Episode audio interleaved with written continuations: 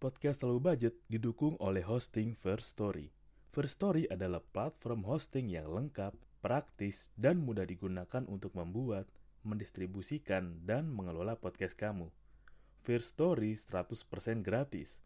Kamu bisa atur jadwal podcastmu kapan aja, dan kamu bisa distribusikan podcast kamu di semua platform hits podcast di Indonesia. First Story punya fitur keren yang bisa membuat kamu lebih dekat dengan pendengar kamu loh. Sudah penasaran belum sama First Story? Eits, ada lagi nih. Dengan First Story Ads, kamu bisa monetisasi podcast kamu juga. Menarik bukan? Gapai potensi maksimal podcastmu dengan tools dari platform hosting terbaik untuk para podcaster. Daftar sekarang di First Story. Mari bawa mimpi podcastingmu menjadi kenyataan. Halo semuanya, selamat datang di segmen Low Budget Finansial. Di episode ini gue mau ngebahas soal mengapa lo harus belajar edukasi soal finansial. Atau nama kerennya sih, literasi keuangan. Oke, kalau menurut lo belajar soal keuangan itu nggak penting, ya nggak masalah sih. Lo boleh kok tutup podcast ini ya, atau ganti dengan podcast lain lah atau ganti denger yang lain tapi kalau menurut lo oke okay lah kayaknya belajar finansial itu penting atau kayaknya belajar soal keuangan itu penting. Oke. Okay. gue mau cerita sedikit kenapa menurut gue sih belajar soal finansial itu penting. Karena menurut gue yang pertama adalah mereka orang-orang yang benar-benar belajar literasi keuangan di negara kita ini secara garis besar nggak banyak. Karena literasi keuangan ini sendiri umumnya diwarasin secara turun-menurun dari circle atau dari orang-orang yang ibaratnya lingkungan keluarga atau lingkungan internal mereka itu punya bisnis atau punya usaha. Nah, jadi mau nggak mau kan ketika lo berada di anggota keluarga atau om lo, papa lo, atau tante lo punya bisnis mau nggak mau lo akan diajarin secara nggak langsung bagaimana teknisnya, bagaimana mengenal alur alur kasnya, belajar ngitung keruginya, perhitungan operasionalnya gimana, atau belajar cara lo ngitung lah biaya setiap hari gimana, bikin laporannya gimana, mencari suppliernya gimana dan lain-lainnya. Mungkin bagi mereka yang belajar soal bisnis atau ekonomi di kampus, iya sih mereka belajar, tapi kebanyakan sih secara teori aja dan kalau menurut gue teori-teori soal ekonomi dan bisnis yang diajarin di kampus umumnya nggak diupdate. Karena kenapa? Karena perubahan soal ekonomi dan bisnis itu terutama soal literasi keuangan atau soal menyangkut finansial itu sendiri itu terjadi cepat banget. Asli cepet banget. Apalagi dengan adanya teknologi sekarang kan? Yang di mana kita sebentar lagi udah mau 5G makin ke sini makin erat juga perubahan dalam industri keuangan terutama industri keuangan atau hal-hal terkait ekonomi yang melibatkan penetrasi teknologi itu sendiri. Contohnya, kalau misalkan dulu kita bisa meminjam uang ke bank, sekarang udah ada fintech kan, udah lebih cepat. Atau kalau misalkan dulu mesti ribet mengajukan KTA, nah lo sekarang bisa ganti juga nih model ke fintech juga udah ada kan fintech yang kalau nggak salah tuh lo bisa nyari pinjaman dana untuk modal usaha dan nggak modelnya aset based loan gitu atau dengan model ekonomi juga kayak lo bisa investasi di tempat yang mengumpulkan dana-dana dari masyarakat secara banyak atau modalnya tuh equity crowdfunding kayak lo gotong royong ada orang yang mau buka usaha apa butuh dana berapa kita masyarakat kumpulin dana dikumpulin dan disetor ke pemilik model itu sendiri. Nah, keuntungannya gimana? Keuntungannya bisa berupa dividen mau 6 bulan atau 12 bulan. Kita juga bisa mantau report dari perusahaan itu sendiri secara berkala. Itu sih. Ya bagaimana peran teknologi itu ngebantu banget soal cakupan dari industri keuangan itu sendiri. Nah, kembali soal kayak pendapat gue mengapa sih kayak pendidikan terutama di akademisi soal ekonomi dan bisnis itu nggak update karena untuk menyusun sebuah materi sebuah kurikulum kan juga butuh waktu perlu riset juga perlu kategori lu perlu cari definisinya perlu cari korelasi juga antara satu dengan yang lain atau perlu cari tahu juga ini kira-kira relevan gak ya kalau diajarin di Indonesia? Karena ada beberapa paham yang ya mungkin ini biasa ada di Eropa aja tapi nggak sampai ke Asia ya atau hanya di Asia aja dan mungkin kurang terkenal di Eropa. Ada banyak kan yang kayak gitu. Kalau nggak salah sih di sekolah gitu modelnya namanya masab deh. Gue kurang tahu kalau di model lain itu namanya kayak gimana nah soal literasi keuangan itu sendiri sebenarnya bukan soal teori uang atau bukan soal ya bagaimana fungsinya uang, bagaimana uang diciptakan, sejarah uang. Enggak, tapi lebih ke bagaimana lo mengenal keuangan itu sendiri. Kayak bagaimana lo belajar menempatkan aset lo, lo belajar mengenal yang nama yang mana namanya aset dan liabilitas, yang bagaimana lo mencatat keuangan lo sendiri, yang bagaimana lo belajar mengatur budget untuk diri lo sendiri, misalkan lo karyawan lo terima gaji, lo budgetin, lo catat sendiri di pengeluaran lo, kayak oh ini gue untuk operasional segini nih. Kayak operasional kayak transport lah makan lah atau biaya sosial lo biaya untuk bersosialisasi lah atau biaya terduga lo mesti siapin. Atau mungkin biaya entertainment dan biaya reward untuk diri sendiri. Atau lo juga belajar mengenal liabilitas itu apa aja kayak mungkin ada beberapa orang yang masih menganggap kalau kayak kendaraan motor mobil itu aset bisa dibilang aset cuman untuk kategorinya sangat rumit sih harus ada kriteria tertentu yang mesti lo capai untuk bisa bilang ya motor atau mobil itu aset. Cuman umumnya kendaraan itu bersifat liabilitas. Karena setiap bulan, bahkan setiap minggu pun secara nggak langsung mengeluarkan uang dari dompet lu, uang dari rekening lu, tabungan lu untuk maintain, untuk ngebuat operasional dari kendaraan lu bisa dipakai dan bisa berjalan. Contohnya, isi bensin, servis motor rutin kan, terutama ada kejadian nggak terduga kayak ban bocor lah atau ada spare part yang mesti diganti lah. Nah itu yang makanya disebut liabilitas. Bahasa gampangnya aset itu bagaimana uang masuk ke kantong lo? Liabilitas adalah apa-apa yang mengeluarkan uang dari kantong lo karena menurut gue belajar keuangan itu penting penting banget nah maka kalau bisa lo ajarin untuk anak-anak lo nanti Makanya lo harus bisa mungkin belajar soal ini sedini mungkin dan seawal mungkin. Kalau bisa ya lo ngulik senguliknya banget lah. Karena soal edukasi keuangan ini bidangnya luas banget sih. Ada soal aset, aset kayak properti gitu kan, aset kayak saham, atau mungkin reksadana, atau yang sekarang lagi rame kayak kripto. Kayak misal lo mau kripto, lo pelajarin dulu jangan asal beli serok, beli serok. Makanya kalau ada yang nongkrong ngantri bahas-bahas kripto ya oke okay lah. Tapi umumnya kalau kripto itu gue lebih nyaranin untuk investasi daripada trading. Karena kalau secara trading itu apa ya? Bahasa gampang kalau trading dibanding investasi itu trading bikin lu nggak nyaman sih dan bikin lu nggak tenang sih bikin kepikiran terus kayak ada beberapa kali kan gue liat di timeline gue orang-orang yang ya gue stres nih gue cut loss ya gue minus banyak dari kripto deh. Ada yang bayar uang kuliah pakai kripto lah yang lagi kemarin lagi marak naik kayak doge kan dog doge ya baca doge lah. Ada yang pakai uang kuliahnya buat beli doge atau mungkin uang modal buat beli doge berharap naik terus potong. Kemarin gue sempat iseng juga sih gue coba deh kalau misalkan gue narik. Dan ternyata mau narik pun juga butuh waktu dan ada fee nya juga. Ya malas juga lama juga lebih baik gue taruh aja dulu di situ.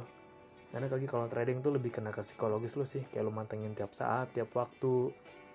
Jadi kalau lo mau trading pakai uang yang adem. Jangan uang yang panas. Kayak uang uang lebihan lo lah. Uang yang biasa lo pakai buat jajan duniawi atau buat duniawi ya lo masukin aja. Lo anggarin buat di situ sekedar lo bisa one day misalkan lo ke luar negeri ya lo bisa pakai kripto lo untuk beberapa hal tertentu kayak lo beli aset gambar kan lo beli gambar apa atau lo beli musik apa mereka udah terima kripto juga sih. Contohnya kayak gitu. Nah mengapa gue bilang tadi belajar keuangan itu penting? Karena gue juga ngerasain sendiri sih yang namanya cari uang itu nggak gampang kan? Kecuali emang udah lu turunannya orang kaya lu diberikan kekayaan udah lu udah sugih dari awal lu tinggal ngangkang kaki bisa sudah jalan. Kalau lu masih dalam tahap yang gue masih turun langsung buat kerja buat cari duit sendiri gue mesti turun ke lapangan sendiri lah buat cari uang. Lembur-lembur juga.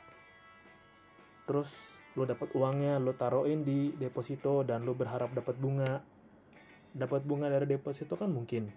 Cuman makin ke sini ya bunganya makin kecil. Belum lagi ditambah potongan admin setiap bulan ya kan. Dan belum lagi ditambah wacana yang kemarin sempat ada dan ditunda sih untungnya. Ketika lo cek saldo nanti ADB admin. Mungkin ketika lo tarik saldo atau ya tarik saldo ya lo potong admin. Nah kayak gitu sih. Meskipun kedengarannya kecil lah lu cek saldo berkurang 500 perak gitu atau lu tarik saldo berkurang 1000 perak. Cuman kalau intensitasnya rutin dan lumayan sering kan lama-lama berasa juga ya. Nah maka dari itu lu harus belajar menempatkan uang lu nggak cuma di deposito tapi di tempat-tempat lain. Atau bahasa yang udah umum dipakai adalah jangan taruh telur lo dalam satu keranjang. Taruh di tempat-tempat yang lain. Dan menurut gue belajar edukasi soal keuangan ini adalah belajar mengenai spiritual juga. Ada spiritual di sini. Kenapa spiritual? Karena adalah lu belajar untuk mengelola ego lu sendiri. Belajar mengelola keinginan lu sendiri. Kayak ada beberapa hal pasti gue juga pernah sih kayak gue sebenarnya pengen doang nih tapi nggak butuh akhirnya gue bela-belain deh gue bela-belain belilah dengan bagaimanapun caranya gue pengen barang itu setelah punya ya udah biasa aja kayak euforianya dari yang wah dari yang excited dari yang wah gila nih gue bakal punya ini nih. Pas udah datang oh gini doang rasanya. Nah itu sih. Ada yang bilang kayak keuangan itu lebih bersifat psikologis. Karena secara nggak langsung ngaruh ke keinginan lo lah, ke kebutuhan lo lah, ke kebiasaan lo lah, atau mungkin ke gengsi lo juga sih. Nah, makanya dengan lo belajar ini juga belajar soal finansial lo mulai belajar mencatat pengeluaran lo. Gue juga udah mulai ini dari lama banget sih dari 2019 awal. Udah mulai nyatat keuangan gue juga kayak setelah gue hitung ternyata biaya yang gak penting gue keluarin dalam sebulan segini juga ya terlalu gede sih coba kalau misalkan gue taruh di reksadana gitu ya dengan resiko yang menengah atau rendah lah ini dalam 10 tahun gue udah untung. 10%, 15, 20% artinya ya uang gue terus tumbuh. Gue bisa nikmatin hasilnya dalam 10 tahun ke depan. Mungkin sih kalau dilihat ketika lo investasi ketika lo belajar keuangan lo belajar untuk meletakkan pos duit lu di pos-pos yang lain kan. Di saham lah di mana lah. Mungkin kelihatannya kayak oh ini setahun kecil hanya 3% 5% tapi kalau diakumulasikan setelah 5 tahun 10 tahun tuh gede banget. Gede sih menurut gue gede. Dan juga yang dilihat adalah konsisten lo doang di sini. Dan yang dilihat dari sini adalah bagaimana kesabaran lo menunda keinginan lo kesenangan lo untuk kesenangan yang udah pasti bisa lo rasain 5-10 tahun ke depan. Atau gampangnya gini deh. Mungkin teman-teman tongkrong lo kayak woi bro kok lo nggak beli gadget baru sih? Ada gadget baru rilis lo atau eh bro kenal ini gue pakai jam baru nih gue paling pakai smartwatch baru. Keren kan lo nggak pengen pakai juga? Atau bro hp gue baru nih gile. Update banget yang kameranya bagus buat selfie. Atau bro liat deh sepatu gue keren. Murah loh merek lokal lagi ada diskon 70% di mall. Mungkin lo akan ngerasa nggak nyaman bahwa oh teman-teman gue barang-barangnya hits. Barang-barangnya keren nih. Punya sepatu yang bagus lah punya jam yang bagus lah. Mungkin dalam hati ya karena lu anak muda kayak gue juga anak muda kan kayak eh anjing iri gue pengen lah gue beli sepatu juga yang bagus buat jam juga yang bagus. Jadi kalau nongkrong kalau gue main ya gue bisa ngimbangin mereka. Tapi makin ke sini ketika lu udah terbiasa gitu kan belajar soal literasi keuangan edukasi keuangan lo belajar untuk menunda kayak oh ya udah biarin deh nggak apa-apa gue ngalah nggak beli jam yang bagus dulu gue nggak beli barang manang branded dulu lah mungkin branded kayak sepatu kayak jam atau kayak tas gue nunda deh mungkin kalau misalnya mereka beli sekarang 5 juta 5 tahun lagi tuh nilai cuma 2 juta atau 3 juta tapi kalau misalkan gue taruh 5 juta ini di saham atau di reksadana lah 5 tahun ke depan bisa jadi punya gue 7 juta setengah atau 8 juta gue bisa beli dengan lebih baru, lebih keren. Kelebihannya bisa gue investasiin lagi ke yang lain. Dan uang itu akan nambah lagi. Jadi lu belajar untuk menunda orgasme lu dalam waktu yang dekat ke waktu yang panjang karena lu udah tahu akan ada hasilnya. Itu makanya tadi gue bilang kayak ada spiritual di saat lu ingin ngulik lebih dalam soal belajar keuangan. Itu.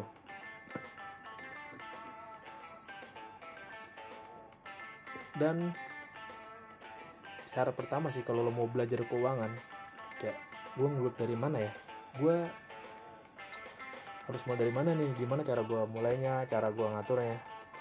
Belajar dimulai dari nabung. Lu harus mau kondo atau modal konsisten doang untuk nabung. Dari hal kecil deh kayak nabung itu kebiasaan dari kecil kan. Kebiasaan diri lu aja untuk nabung. Ya lu boleh bertahap dua hari sekali lah tiga hari sekali lu boleh pakai celengan boleh lu naruh di reksadana lu atau di saham lu lah. Gak usah gede-gede kok belajar nabung. Mungkin sepatu kita emang gak sama. Kayak ada yang belum bisa nabung karena mesti mencari uang untuk keluarga untuk bayarin adik-adiknya sekolah untuk tinggal bareng untuk merawat ibu macam-macam kan. Tapi sekarang jangan ngebiasain lu ngebuat alam bawah sadar lu untuk oh gue bisa nih nyisihin nih 5000 sehari deh atau 2000 sehari. Lu taruh aja di celengan gitu. Ngebiasain ke alam bawah sadar lu bahwa oh gue otomatis gue terbiasa nabung 2000 sampai 5000 sehari lah untuk dana darurat atau untuk nanti gue pakai buat investasi gue ke depan. Itu jauh lebih baik daripada lo nabung tunggu ngumpulin dulu sepian-sepian sedikit demi banyak capek kan? Karena kan kita nggak tahu yang namanya kebutuhan mendadak itu kapan. Iman lu terhadap hasrat untuk beli barang-barang bagus itu nggak bisa ketahan kita juga nggak tahu kapan. Ada diskon dadak yang bikin lo kalap juga kita nggak tahu kapan. Ya lebih baik lo biasaan diri lo untuk nabung sedikit demi sedikit kalau susah coba buat dua hari sekali. Kalau susah tiga hari sekali. Yang penting lo membiasakan diri lo untuk nabung dan ini juga salah satu langkah perlahan untuk menunda kesenangan lo di dalam waktu dekat ke waktu yang agak panjang. Dengan jaminan lo tahu bahwa lo pasti akan mendapatkan kesenangan ini 3, 4, atau 5 tahun ke depan. Oke nanti gue akan buat juga udah ada sih. Gue buat mengenai nabung pentingnya nabung lah dan bagaimana teknisnya nabung lebih dalam. Tunggu aja oke? Okay? thank you udah dengerin. Oke okay, salam low budget. Nggak harus mahal untuk nikmatin hidup. Thank you udah dengerin